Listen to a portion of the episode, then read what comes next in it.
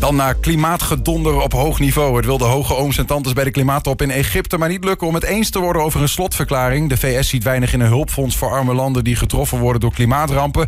Saudi-Arabië wil het woord olie niet horen als het afschaffen om, uh, van fossiele brandstof. Als het daarom gaat.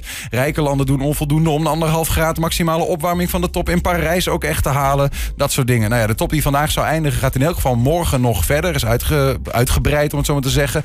Nou, we vragen wat moeten we dan met dit soort gesteggel over belangetjes bij zo'n urgent onderwerp als alle seinen volgens de wetenschap eigenlijk op rood staan? Of valt dat eigenlijk nog wel mee?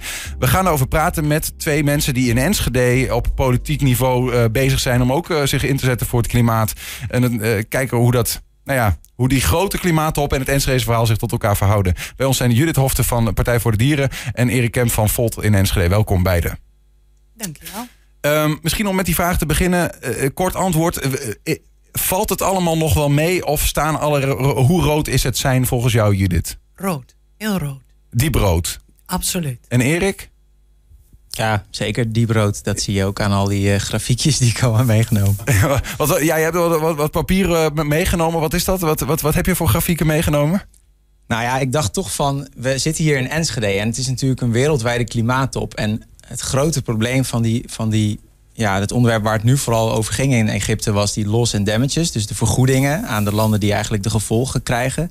En het probleem is, heel vaak hebben we het over die anderhalve graad of twee graad, maar dat is gemiddelde opwarming. Mhm. En dat is heel erg ongelijk verdeeld. Dus als je kijkt naar Nederland, hebben we hier relatief minder opwarming. Maar als je bijvoorbeeld kijkt naar uh, Rusland of de Arctische Oceaan, daar heb je juist veel meer opwarming. Dus mhm. daarom, als je het hebt over welke kleur is het, ja, dan denk ik meteen, ja, ik heb hier inderdaad van verschillende landen die grafiekjes meegenomen. En dan zie je ook dat waar het in Nederland nog nou, gaat richting 1,5, dat het in Rusland nu al op 2,5, 3 zit. Ja, ja, dat verschilt heel erg. Ja. Maar goed, eh, het is misschien een grote vraag. Hè, maar hoe kijken jullie als um, Enschedeërs, uh, die, die zich hier hard maken voor het klimaat, naar zo'n top waar, noemen net een aantal voorbeelden, eh, de grote mannen worden het al niet eens, Judith? Ja, nee, dat klopt. Uh, ik kijk daar echt wel naar met gemengde gevoelens. Want als ik zie hoe alle wereldleiders en hoogwaardigheidsbekleders in een vliegtuig stappen om helemaal naar Egypte te vliegen, om voor de zoveelste keer te gaan vergaderen over hoe we klimaatverandering binnen de perken kunnen houden, mhm. terwijl we allemaal donders goed weten wat we moeten doen, dan denk ik, laten we dat gewoon eens gaan doen. Ja. Waarom komt het dan dat het niet lukt, denk je?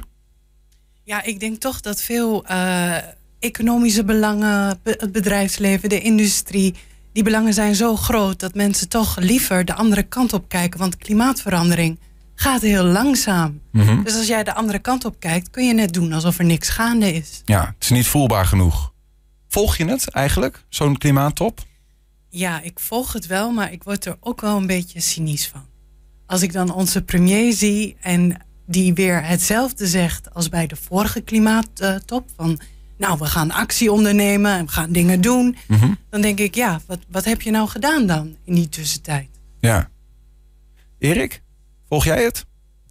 Nou, tot vanochtend volgde ik het denk ik net zoals jullie. Dus gewoon uh, een beetje in de media lezen van wat, wat wordt over geschreven. Ja. Maar toen ik een belletje kreeg van wil je er hier wat over gaan vertellen... heb ik wel even wat, wat extra research van de UT benaderd. Ja, en ik heb ook Laurens even gebeld. Want die is samen met vier andere Tweede Kamerleden daarheen gegaan. Sorry, Laurens. Uh, Laurens Dassen. Jullie, jullie, uh, jullie fractievoorzitter in de Tweede Kamer. Ja, want hij is daarheen geweest. Dus ik had ook zoiets van... Hey, ik vroeg gewoon binnen Volt van is iemand daarbij betrokken? Ja, Laurens is daarheen geweest. Dus ik heb hem ook gevraagd van nou ja, wat heb je nou daar gedaan? En wat wat vond je daarvan? Ook om ja, een beetje een beter beeld te krijgen van hoe, hoe gaat het er nou aan toe? Want ik ben natuurlijk zelf ook nooit op zo'n nee. geweest. Nee. Maar in, want dat vind ik dan wel interessant. Dan heb je de afgelopen uren met je kop in de, in de materie gezeten.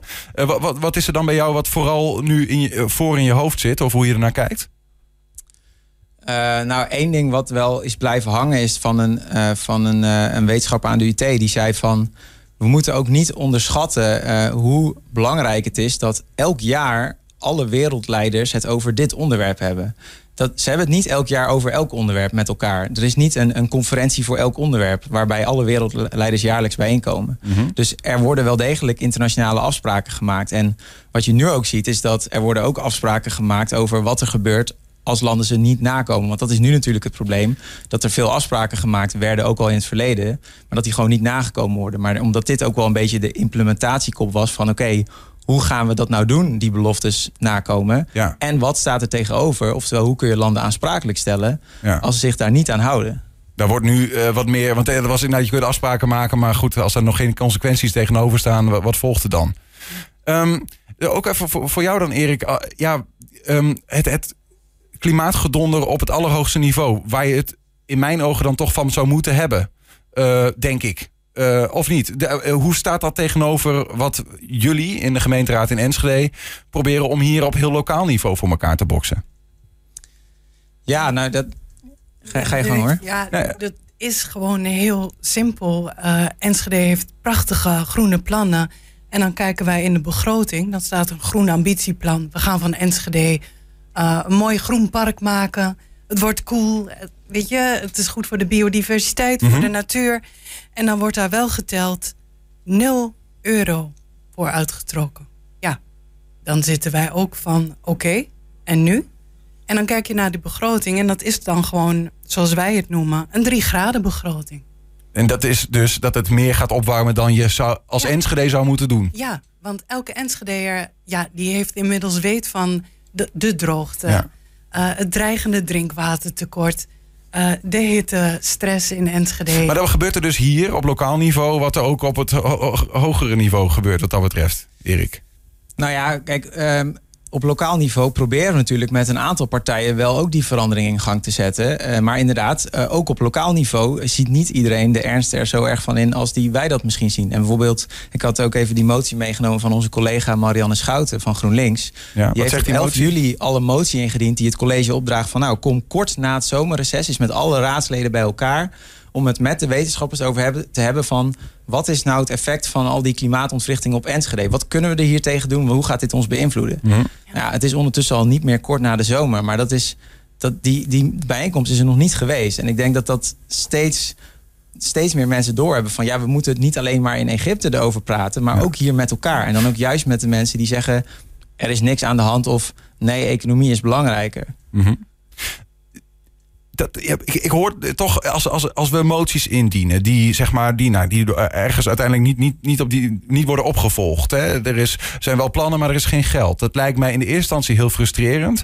Maar het lijkt me ook dat je dan, uh, zeg maar, in, als je als je zegt alle seinen staan op die brood, dat dan vanzelf je een tubetje lijm in je handen gaat nemen om jezelf aan een tafel vast te lijmen, bij van. Ja, wat werkt dat polarisatie op dit vlak ook in de hand, denk je, Erik? Uh, activisten die zichzelf vastlijmen, bedoel je? Werkt ja, dat polarisatie? Nou, ook de, het feit dat, dat, het dus, dat het zo stroperig gaat, werkt dat dit soort activisme in de hand? Nou ja, ik denk dat activisme dat komt gewoon voort uit, uit, uit een soort van gevoel van onmacht. Ik denk dat er heel veel mensen zijn die het gevoel hebben van waarom verandert de wereld niet als we allemaal weten dat we moeten veranderen? En ik snap dat je dan activistisch wordt, maar ik denk dat dat ook goed is. Want ja, als je niet zeg maar uh, linksom uh, mensen naar je krijgt geluisterd, Mhm. dan, dan maar rechtsom. Dus ik denk juist dat alle activisten die zeg maar aandacht hiervoor vragen, um, ook al um, kunnen ze misschien zelf niet, of hebben ze zelf niet de macht om het probleem aan te pakken. Ik denk dat dat wel heel belangrijk is. Werkt het? Is want, want ik ga het ook weer een soort van. Uh, ja, dat is altijd een beetje het ding. Er gaat ook weer mensen tegen je in het harnas krijgen. Denk ik, die zoiets hebben van. Nou, doe even normaal. Zo, zo erg is het dus allemaal nog maar niet. Dit soort activisme. Ja, die mensen zijn er wel. Maar als op een gegeven moment. Ik bedoel, pas was er volgens mij bij het hoofdkantoor van Volkswagen. waren er een hele groep Duitse wetenschappers. die zichzelf vast hadden geplakt. Ja, eh, als op een gegeven moment ook zeg maar professoren en hoogleraren. en die hebben we natuurlijk hier ook afgelopen maandag weer een inspreker van de Mhm. UT.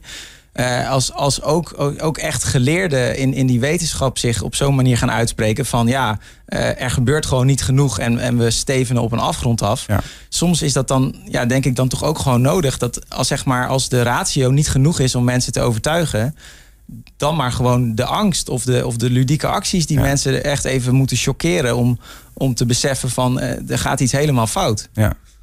Ja, het- is toch interessant wat je zegt. Want dan, dan, dan is de politieke weg op een gegeven moment niet meer. eh, nou ja. eh, eh, niet meer het juiste middel, lijkt het bijna wel. Hè? In die zin, dat vraag ik me ook af op mondiale schaal. Als we even over zo'n top hebben.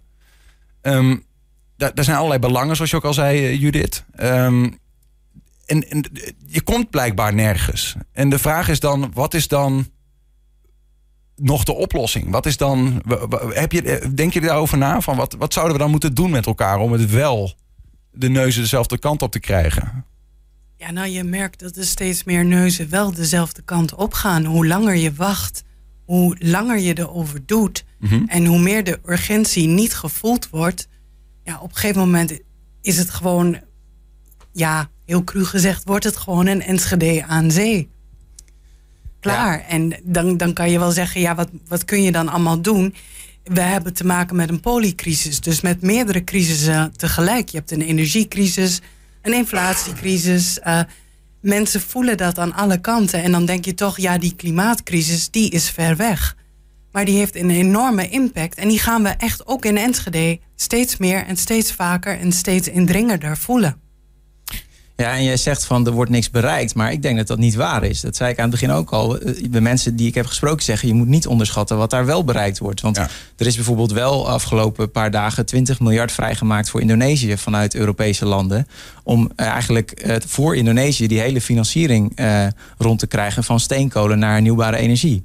Dus dat is uiteindelijk geld wat vanuit Europa naar Indonesië gaat om ervoor te zorgen dat daar veel minder uitstoot is. Ja. Dus er wordt wel degelijk ook wat bereikt. Ja. Ja. Ja, want we hebben maar één planeet. Hè? We moeten het allemaal samen doen. Ja, en wat ik ook van Laurens hoorde, die had daar gesproken met een delegatie van Tuvalu. Dat is ergens een klein eilandje, ik weet niet precies waar het ligt. Maar die hebben nu het probleem dat hun eiland gewoon onderloopt. Dus eh, ja, op een gegeven moment is dat eiland gewoon weg. En wat je nu dus hebt, is dat er elk jaar 75 soort van gouden tickets zijn voor jongeren om naar Nieuw-Zeeland te gaan, legaal. En dat ze daar dus geen vluchteling zijn, maar dat ze gewoon echt daar kunnen gaan leven. En er waren afgelopen jaar 800 aanvragen voor. Ja. Eh, ja, als, als je daar als Tweede Kamerlid uit Nederland, waar, waarbij je toch op een, ja, ik bedoel, hier denken we daar op een heel andere manier over na. En als je dan met zo'n delegatie spreekt die zegt van ja, al onze jongeren willen weg, want de wetenschappers zeggen dat dit eiland, als zij eenmaal een toekomst hebben, dat dit eiland niet meer bestaat. Ja, dat is natuurlijk ook een, een, een groot effect van zo'n, van zo'n klimaatkop. Dat je gewoon met, ook met jongeren uit Afrika die echt zeggen van ja, eh, delen van onze landen worden onleefbaar. En eh, droogtes in Somalië en nou ja, bijvoorbeeld die, die eh, overstromingen in, in, in, in Afrika, maar ook in Pakistan. Die verhalen hoor je daar van de mensen die dat zelf hebben beleefd. Ja. Dus dan, dan ga je daar echt wel op een andere manier ook naar kijken als je weer terug bent in Nederland. Zo- Zo'n zo'n klimaattop, hè, waar, dan wij inderdaad eh, de, misschien alleen de koppen of eh, wat, wat korte dingen in de media vaak van lezen als, als Enschede'ers, denk ik, over het algemeen, laat ik het zo zeggen. Wat doet hij eigenlijk, denken jullie, met de beeldvorming en met de actie bij mensen? Als je, als je ziet over hoe daar gesteggeld wordt en misschien wel soms overwinningen worden behaald, maar soms ook weer wordt onderhandeld over een toekomst die belangrijker is dan we denken misschien. Ja, ik, ik, ik weet het niet, maar ik wil toch ook echt een land breken voor mensen die eh, klimaatstress ervaren. Vooral jonge mensen. Je krijgt al die informatie ook van zo'n klimaattop. Krijg je over je heen, die neem je in je op en vervolgens wat kun je doen? En als je dan merkt dat jouw gemeente, jouw provincie, jouw regering niet de stappen zet die zo ontzettend logisch zijn, ja, dan raken mensen ook in de, in de knoei en dan heb je dus klimaatstress. En daar wordt nu nog een beetje lacherig over gedaan. Maar ik denk dat dat een serieus probleem is waar we echt gewoon ook serieus naar moeten kijken. Ja.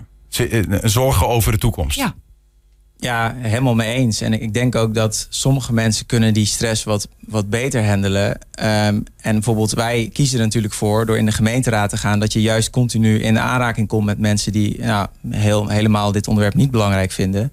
Maar wat ik altijd mensen aanraad die ook veel stress ervaren... is gewoon omring jezelf vooral met mensen die ook energie hebben om wat te veranderen. Dus ga bij een vereniging, ga bij een club, organiseer je juist met gelijkgestemden. Ja. Want Ja. daar, krijg je, daar krijg je juist energie van. En die groepjes zijn er ook. En ik denk dat het vooral zuur is als mensen die gelijkgestemden niet kunnen vinden. Want dat heeft mij zelf, toen ik er inderdaad wat meer last van had...